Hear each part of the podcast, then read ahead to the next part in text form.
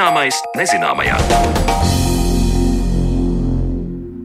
Esiet sveicināti raidījuma zināmais nezināmajā un Sandra Kropa kopā ar jums, lai šodien atkal pavērstu acis debesīs un skaidrotu aktuālos jautājumus visuma izpētē. Raidījuma otrajā daļā mēs runāsim par nesenu Marsa virsmu sekmīgi sasniegušo NASA robotu un šīs sarkanās planētas izpētes misijas uzdevumiem. Taču līdz tam stāst no mūsu arhīvu krājumiem par tiesību zinātnes izaicinājumiem kosmosā. Cilvēks centieni ar vien vairāk apgūt kosmosu liek arī juristiem domāt par Zemes iedzīvotāju atbildību pret kosmisko telpu.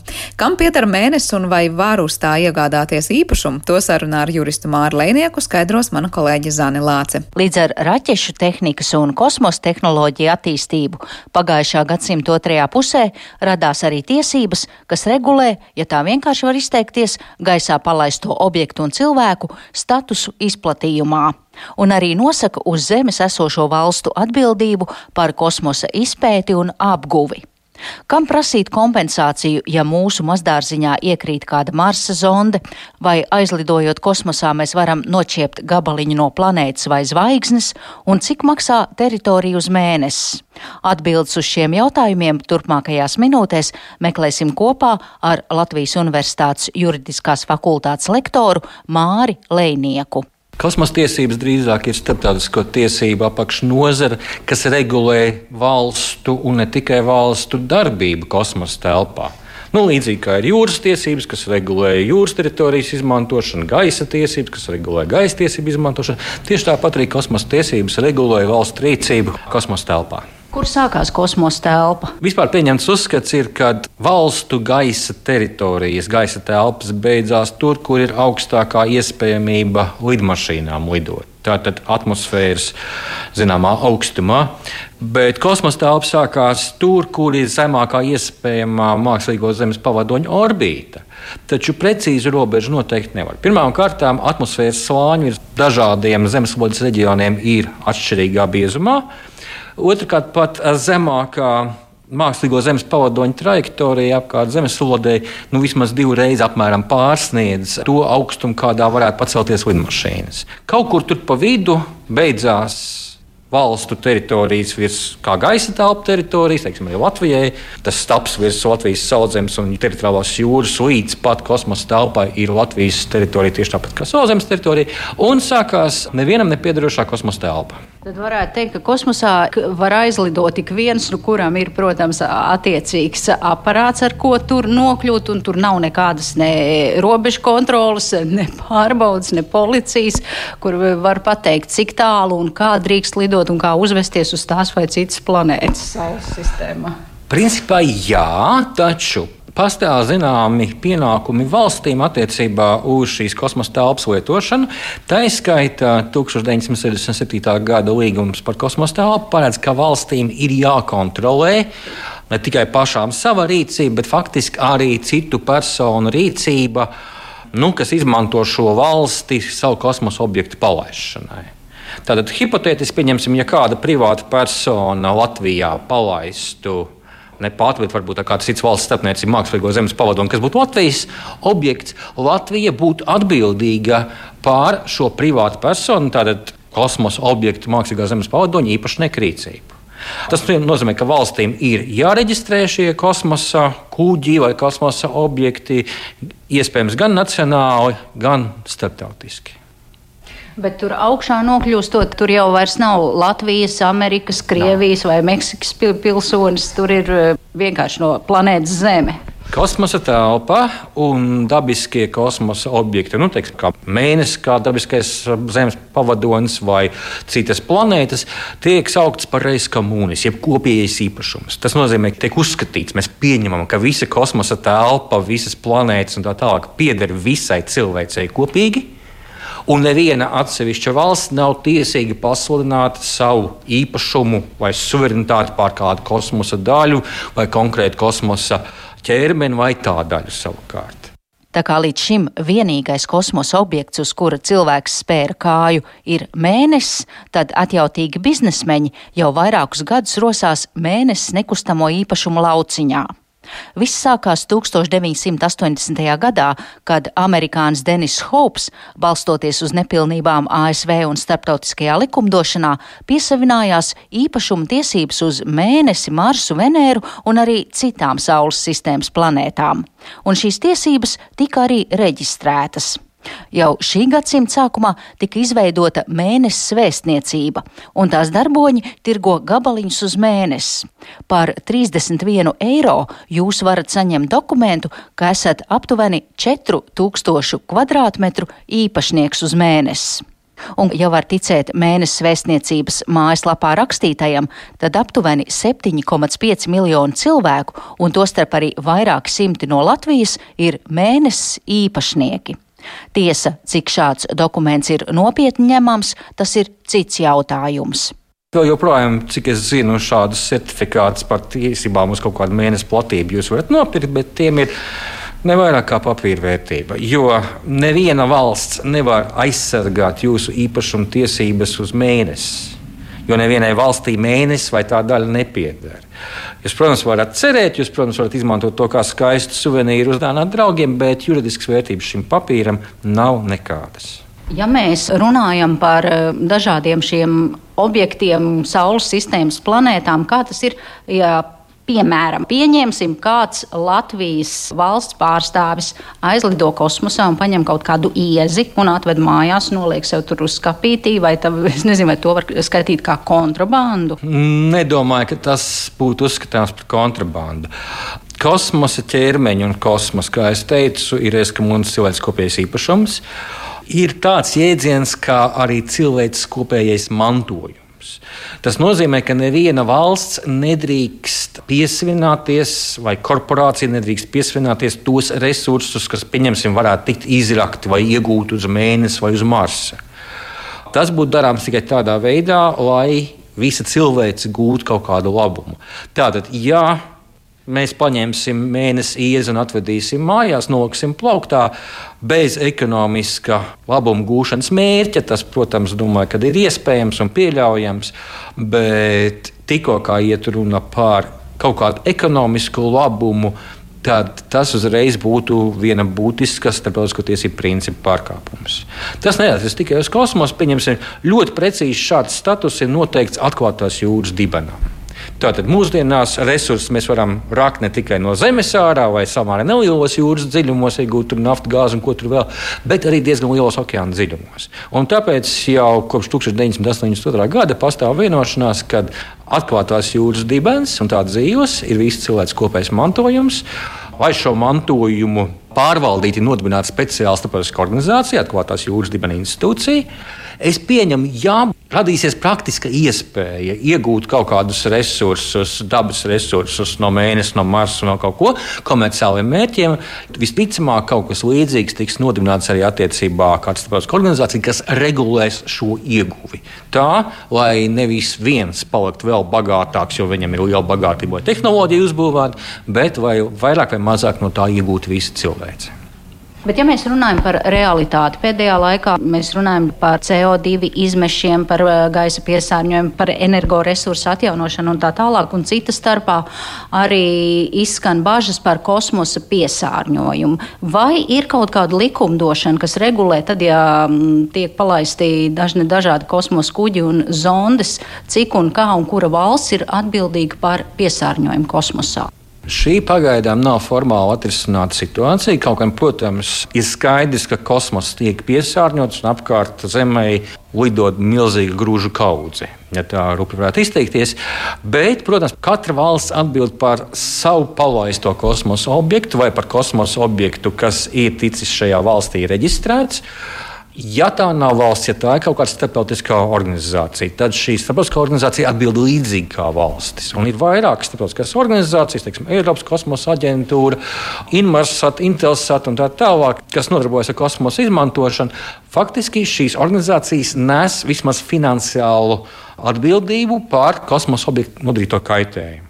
Pieņemsim, ja Latvijā būvēts un reģistrēts mākslīgais zemes pavadonis nokristu pēkšņi kaut kur kādā mazdārziņā un nodarīt kaitējumu, Latvijai kā valstī nāktos maksāt, pat ja Latvijas valsts nav īpašnieks šim mākslīgajam zemes pavadonim. Pie tam šī atbildība ir neatkarīga no vainas. Automātiski tas ir pienākums saskaņā 1972. gada līguma maksāt par kaitējumu nodarīšanu, kas ir nodarīts uz zemes. Pagaidām nav norma, nav vienošanās, kas regulētu kaitējumu, ko nodara grūži kosmosā. Bet es pieņēmu, ka līdzīgā veidā tas tiktu vairāk vai mazāk privātiesiskā kārtā risināts, ja vienas valsts īpašumā esošs kosmosa objekts vai viņa atlūzas, teiksim, nodarīt kaitējumu citas valsts kosmosa objektam, šī cita valsts vai kosmosa objekta īpašnieks varētu pieprasīt atbildību no atlūza īpašnieka valsts vai īpašnieka. Ieskatu tiesībās kosmosā sniedz jurists Mārs Lēnieks, un ar viņu sazinājās mana kolēģe Zane Lāce.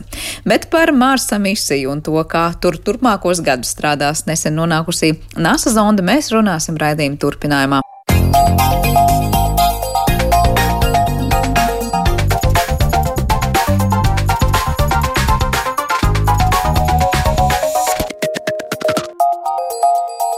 Zināmais nezināmajā. 18. februāra vakarā daudzi, jo daudzi visā pasaulē sekoja līdz tam, kā uz Marsa veiksmīgi nolaidās NASA robots neatlaidība. Robota uzdevums būs meklēt dzīvības pazīmes uz sarkanās planētas un sagaidāms, ka pēcāk tā savāktos paraugus izdosies atvest arī uz Zemi, lai veiktu tālāku izpēti. Par to, cik nozīmīga šī misija ir un ko no tās varam sagaidīt nākotnē, mēs runāsim raidījuma turpinājumā, jo mūsu attālinātajā studijā uz sarunu esam aicinājuši Latvijas Universitātes astronomijas institūta pētnieku Ilgonu Vilku un Suntažu observatorijas saimnieci un portāla stāstspējas redaktori Annu Ginteri. Labdien jums abiem! Labdien! Vispirms e, jautājums, nu kā jums katram liekas šī misija un šis robots uz Marsa, ar ko būs atšķirīgs un ko no tā sagaidām citādu kā no visām citām iepriekšējām misijām? Jo nu nevarētu teikt, ka uz Marsa mums ir nu, maz sūtīts. Un nevarētu teikt, ka Mars ir tā mazāk izpētītā planēta. Uh, Anna, varbūt sākšu ar tevi. Kā te, kādas tev ir tās sajūtas tieši skatoties un sekojot līdz šim robotam?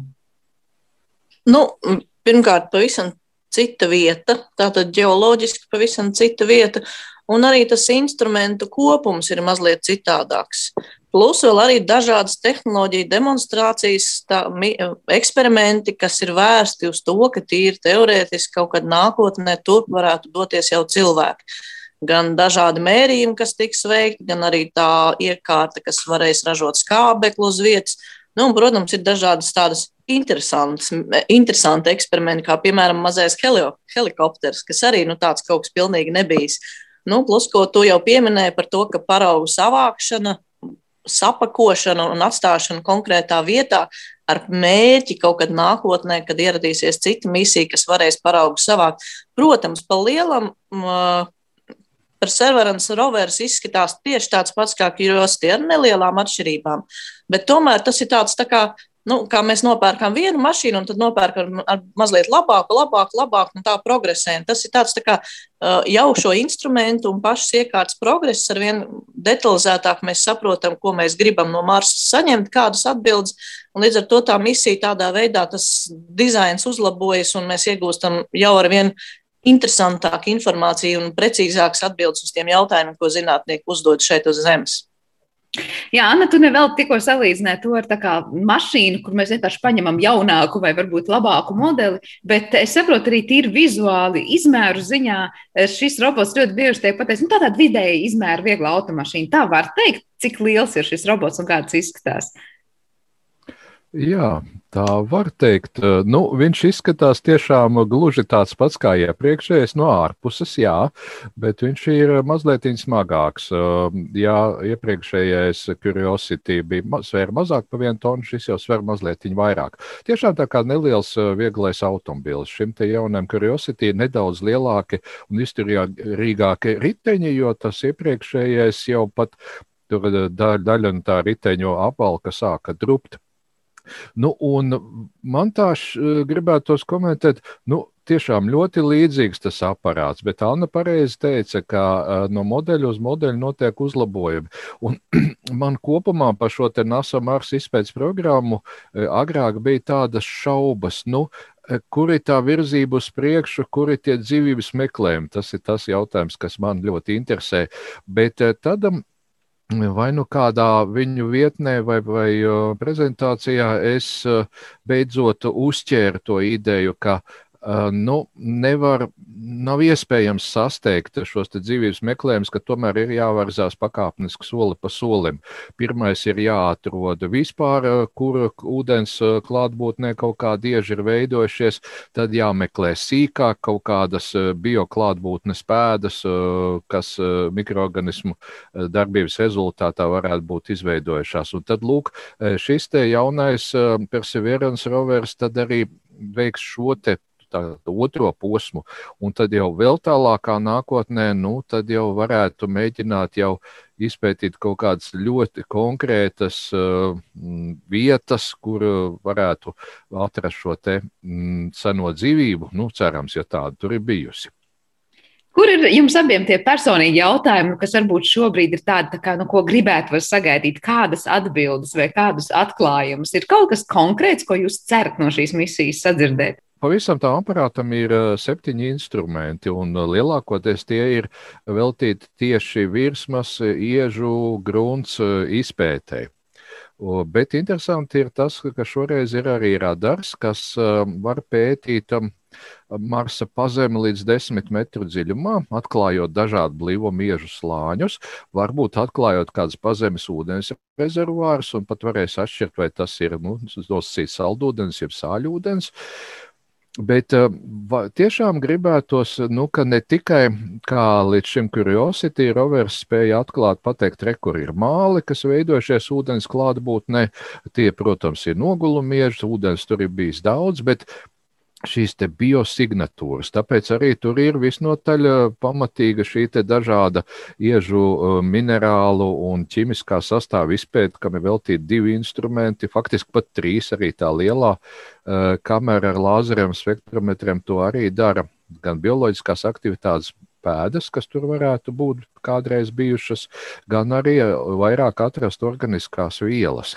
Tā kā no, no vairākiem šiem septiņiem instrumentiem, e, trīs jūs teicāt, sanāk, ka tie, kas tieši uz šiem iedžiem koncentrējas, bet es nepareizi sapratu.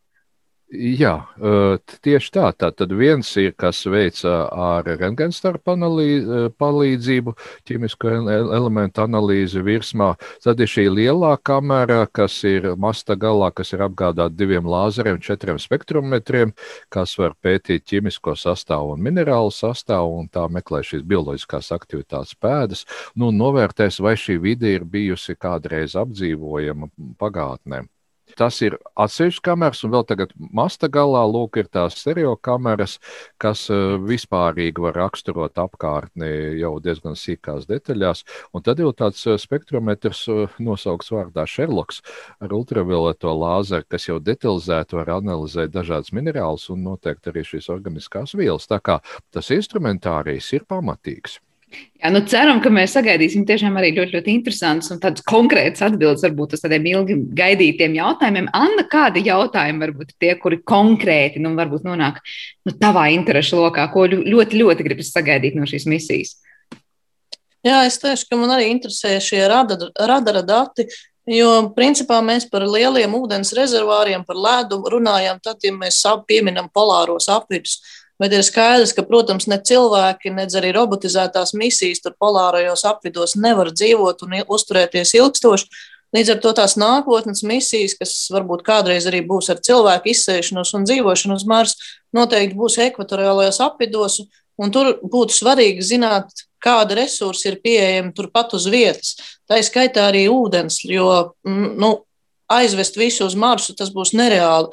Savukārt izsēdē, izsēdināties ekvatora apvidū un tad mēģināt vēl kaut kādu misiju organizēt, kas vedīs ūdens ledu no polārajiem apgabaliem, tas arī nav pārāk loģiski. Līdz ar to tas tie radara dati, tas pirmais mēģinājums saprast, kas tad atrodas tāda krātera pamatnē, kas ir zem šīm smiltīm zem šiem putekļiem, tas manā izpratnē ļoti, ļoti svarīgi. Nu, un arī tas miniatūrais eksperiments, kas šoreiz aizbrauc līdzi ar to skābekļa ražošanu no Marsa atmosfēras, tas arī šķiet ļoti tāds būtisks un nozīmīgs, jo nu, man tā lielā cerība nav viss, ka es, ne, es teikšu tā, es neceru visticamāk, ka Mars būs bijis kādreiz apdzīvots.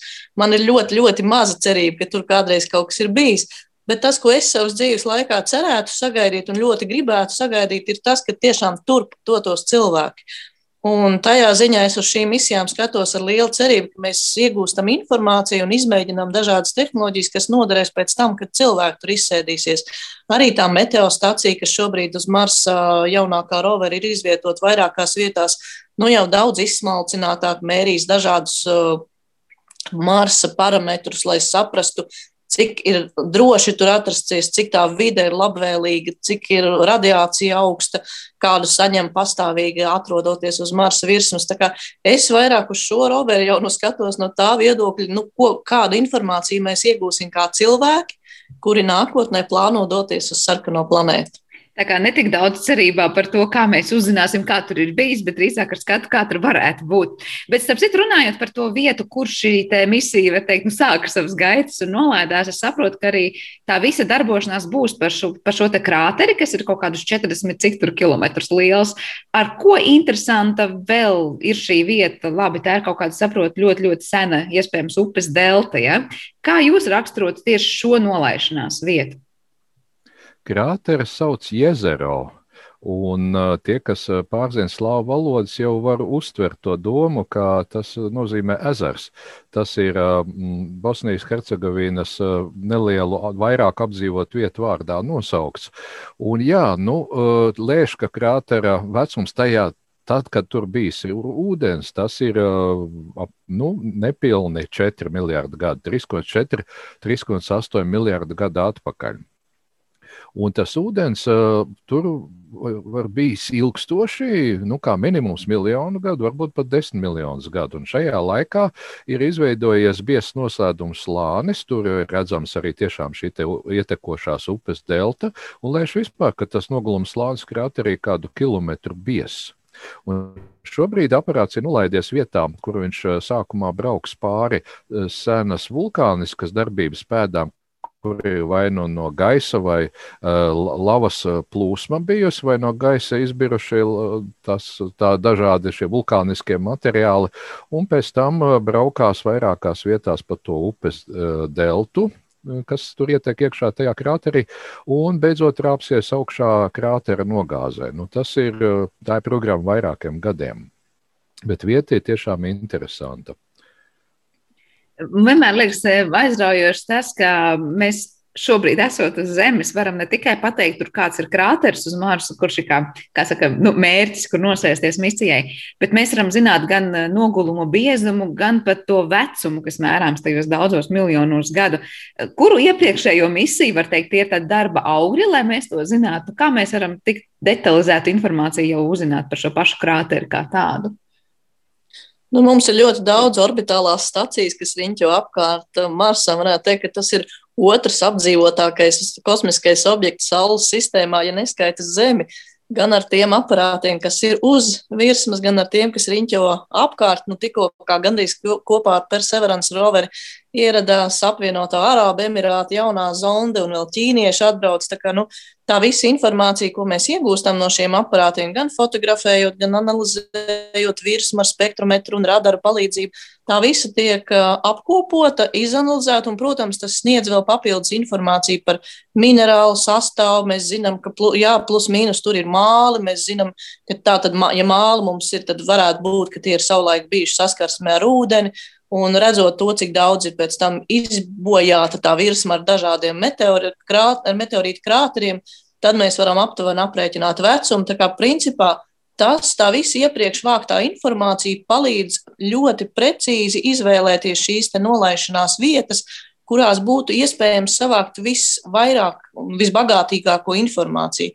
Tā kā tas ir ļoti, ļoti dažādu instrumentu kopums, kas tiek izmantots, lai lai tiešām varētu gan noteikt vecumu, gan noteikt sastāvu, gan arī plus-mínus aprēķināt cik ilgu laiku un sen apakaļ, cik ilgu laiku tur turējies ūdens un, un kā viņš tur ir plūdis. Tas ir tiešām pateicoties tam, ka mums ir tik bagātīgi robotu fronti, darbojās ap Marsu.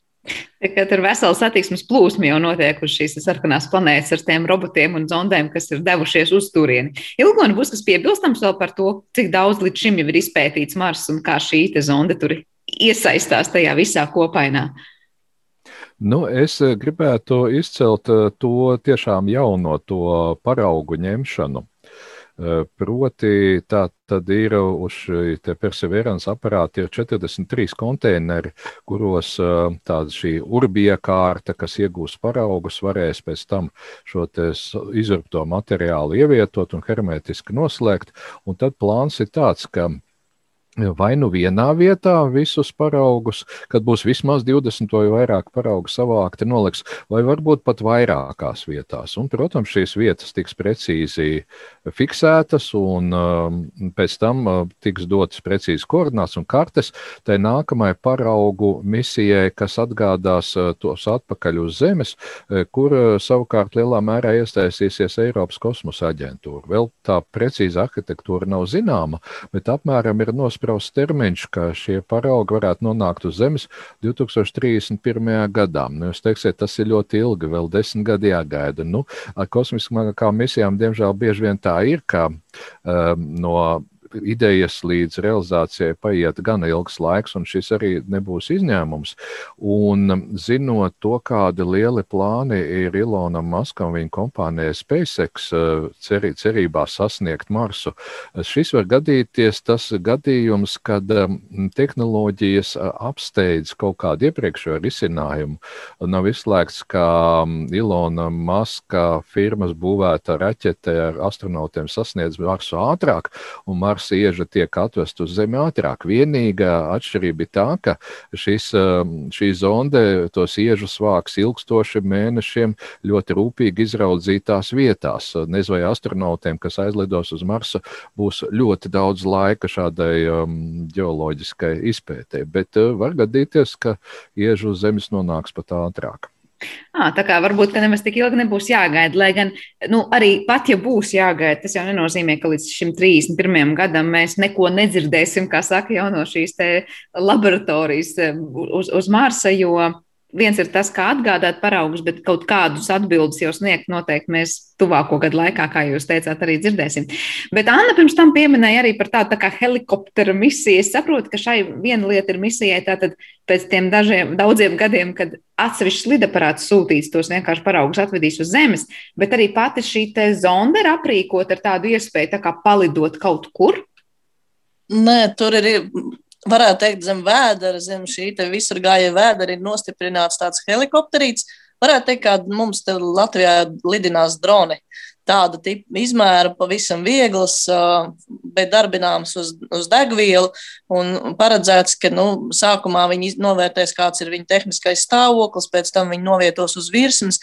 Un tad, ja viss būs kārtībā, tad kaut kur nu, pēc pāris mēnešiem, pēc dažiem mēnešiem, tas veiks savu pirmo lidojumu Marsa atmosfērā.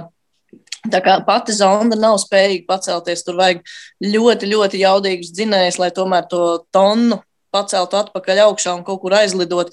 Uz tādiem manevriem mēs vēl pagaidām neesam spējīgi, bet mazu dronu pacelāt pa Marsa atmosfēru, iespējams, ka tas, tas varētu izdoties. Jā, jā. Tā kā, nu, gaidām šo lidojumu, kā, vai, vai tas notiks vai nenotiks. Jā, man tas jautājums tieši bija par to, vai šī nu, kosmiskais aparāts ir aprīkots ar kaut kādu daļu, kas tātad var pacelties un lidot. Tad šīs tā kā nu, dronam līdzīgās iekārtas. Ja?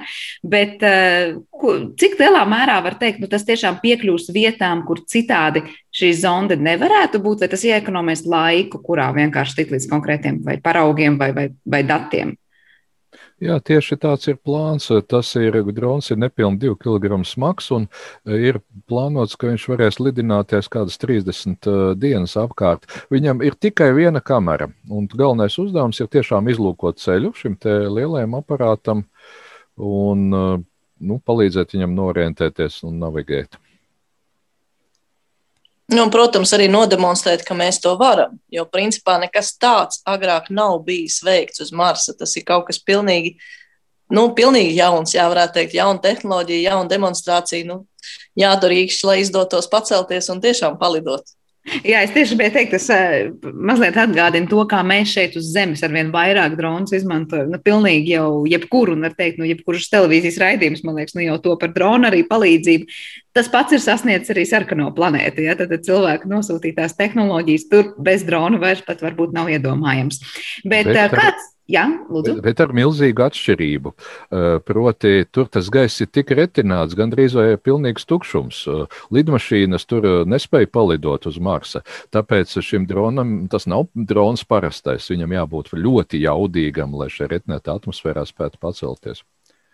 Bet eh, mēs ļoti bieži arī sakām, ka tas, kas nonāk saka, kosmosa izpētē un vajadzībai pēc kāda laika, nonāk arī kā ļoti tāds ikdienā lietojams um, rīks šeit pat uz Zemes. Jūs redzat, ka, piemēram, kaut vai radot šādus te nu, nosacīt, jā, dronus, kas būs spējīgi tikt galā ar Marsa vidi, pēc tam radīs pielietojumu kā kaut kas superjaudīgs un neredzēt šeit pat uz Zemes. Uzreiz var teikt, jā, kāpēc gan ne? Šobrīd atmosfēras augšējā slāņa zondē ar lieliem stratosfēras baloniem. Ja to var izdarīt neliels drons, tas būtu ļoti parocīgi. Tā kā gaidām, tas sev pieteiks šeit pat uz zemes. Eh, es zinu, ka jūs gan jau esat kārtīgi sekojuši tam, kā šos vairākus mēnešus eh, zonda devās ceļā līdz Marsam un kā tā ir veicies un kā tas ir viss noticis. Annai varbūt ir droši vien sekojot līdzi portālā, rakstot un skatoties par to, kas sakāms. Kā kopumā būtu nu, komentējums tas, cik kaut kādi negaidīti vai gaidīti pārsteigumi piemeklē vispār visu šo misiju tās ceļā līdz Marsam? Liekas, ka ceļā līdz Marsam nekas tāds ļoti interesants nenotiek, un uz to neviens arī necer, ka tur būs kaut kas tāds interesants.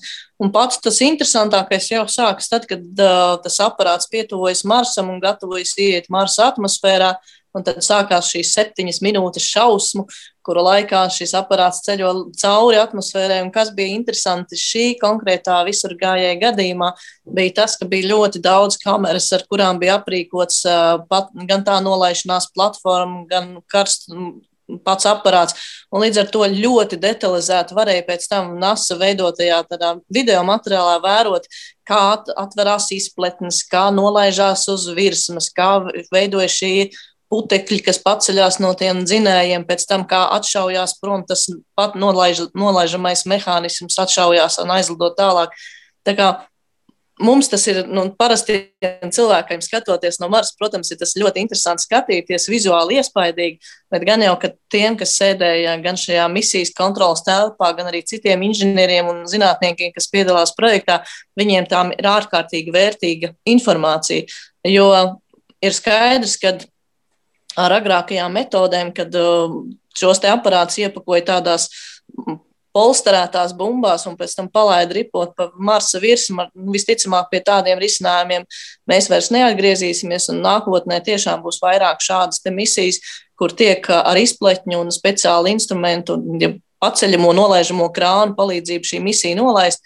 Un katrs jauns mēģinājums un katrs jauns veids, kā iegūt datus, viņiem palīdz atkal konstruēt nākamās misijas.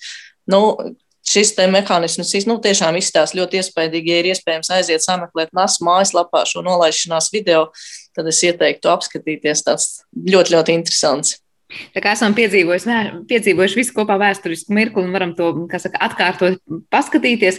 Ilgonim varbūt kāds sajūtas un komentārs par to, kā gāja līdz Marsam šai misijai. Es arī tiešām iesaku noskatīties šo nolaišanās video, ja mēs klausītājs ar šo raidījumu esam ieinteresējuši. Tas ir tā vērts, un tas ir bijis pirmo reizi, kad tas ir tādā veidā atspoguļots. Es domāju, ka NASA vispār ir ņēmusi vērā šo SpaceX pieredzi, kas uh, visur saliek kameras un spēj parādīt daudz ko tiešraidē un klātienē. Nu, labi, šoreiz tā nebija tiešraida video no Marsa, kaut arī pirmais attēls, kad zonde nolaida nolaidās uzreiz, tika uh, pārraidīts, bet tas bija ar nolūku, lai saprastu, vai tā zonde ir sekmīgi nosēdusies, nav, nav šķībi un kaut kā tam, tam līdzīgi. Uh, bet man bija pārsteigums šodien, kad es vēl palasīju dažādas materiālus par šo kosmisko aparātu.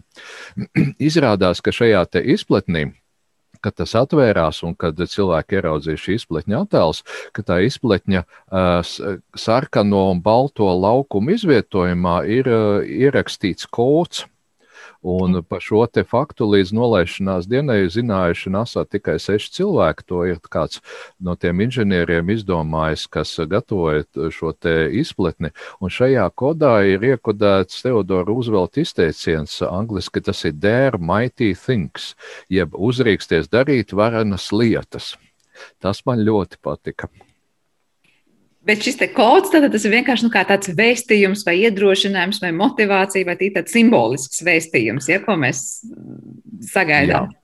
Un cik interesanti. Tas... Un viņš tagad atrodas tur uz Marsa, tas izplatnes, un arī ilgi tur saglabāsies. Nu, Marsa vēja jau nav tik stipra, lai viņu saplojnītu. Tā kā šo kodu varēs izlasīt arī vēl citi, kas dosies uz Marsu. Jā, varbūt iespējams, tad, kad tur nonāks cilvēki, viņus sagaidīs šāds te vēstījums. Uh, cik vispār kopumā, nu, es nezinu, grūti jau, protams, ir procentuāli to rēķināt, bet, nu, tomēr par Marsu mēs salīdzinoši daudz taču zinām, vai ne, ja mēs skatāmies uz citām planētām un citām vietām kosmosā. Kā jūs, prāt, šī misija palīdzēs tos nezināmos tukšumus aizpildīt? Nu, ļoti, ļoti, vai mēs uzzināsim kaut ko mazliet, un vairāk kā Anna sākumā teica, tas tā kā lai, lai radītu tos apstākļus tām misijām, kas tur dosies, varbūt ar cilvēkiem kaut kad vairāk būs derīgi. Vai jūs, prāt, mēs aizpildīsim ar šo misiju nu, ļoti daudz šos kaut kādus nezināmos robus par Marsu? Ilgoni, varbūt sākšu ar jums. Nu, vienmēr ir tā, kaut arī astronomijas vēsturē, piemēram, kad tika izgudrots pirmais teleskops, tad ar to uzreiz, kaut arī maziņš un necils, bet ar to uzreiz tika izdarīti būtiski atklājumi, ko nevarēja līdz tam izdarīt. Tāpat arī priekšroka bija savā ziņā pirmajām Marsa zondēm, kas vispār saprata, kāda ir apstākļi uz planētas un tā joprojām. Šobrīd ir tāda jau kā pakāpeniska, mērķiecīga virzīšanās soli pa solim uz priekšu. Sākumā no vienkārša Marsa izpētes, specifiska iežu un vietu izpēte, tagad jau lūk biosignatūra meklēšana un šīs jaunās tehnoloģijas. Tā kā ļoti Nu, bet nevar izslēgt arī superatklājumu, ka tiešām tiek atklāti. Es tomēr, atšķirībā no Annas, esmu nevis optimists, ka varbūt atklās kādus pārakmeņojumus uz Marsa. Mm -hmm, paldies, Anna! Jā, es, es pilnīgi piekrītu, ka gan jau, kad, nu, lai arī misijas mērķis nav taisīt sensācijas un vairāk droši vien vērsts uz konkrētu jautājumu atbildēšanu, tas, ko es noteikti sagaidu no šīs misijas, ir Jā, mēs iegūsim atbildes, bet mēs dabūsim vēl daudz vairāk jautājumu, kā tas parasti ir. Tiklīdz mēs sākam kādu lietu šķetināt, tā uzreiz mums rodas ar vien daudz jaunu jautājumu, jaunu noslēpumu, kurus gribas atminēt. Un tas ir motivācija, tas kļūst par motivāciju nākamajām misijām. Kā, nu, nekad jau mēs nebūsim tādā stāvoklī, ka mēs varēsim teikt par Marsu, mēs tagad zinām visu. Tāpat kā par Zemi mēs to nevaram teikt, visticamāk tā nekad nebūs arī par Marsu. Un šī misija jāuztver kā tāds nākamais solis Marsa izpētē. Nu jau ar konkrētākiem jautājumiem un, un, un gaidām konkrētākas atbildes. Bet es, es prognozēju to, ka būs noteikti ļoti daudz jaunu jautājumu un jaunas, interesantas idejas, kuras varētu tālāk mēģināt atrisināt un, un ar kaut kādu jaunu misiju palīdzīgi. Tas, tas noteikti būs kaut kas interesants, kuram ir vērts sekot līdzi. Jā, to pavisam noteikti arī darīsim, un darīsim arī raidījumā zināmais nezināmajā, bet noslēdzot šo sarunu, jautājums jums abiem.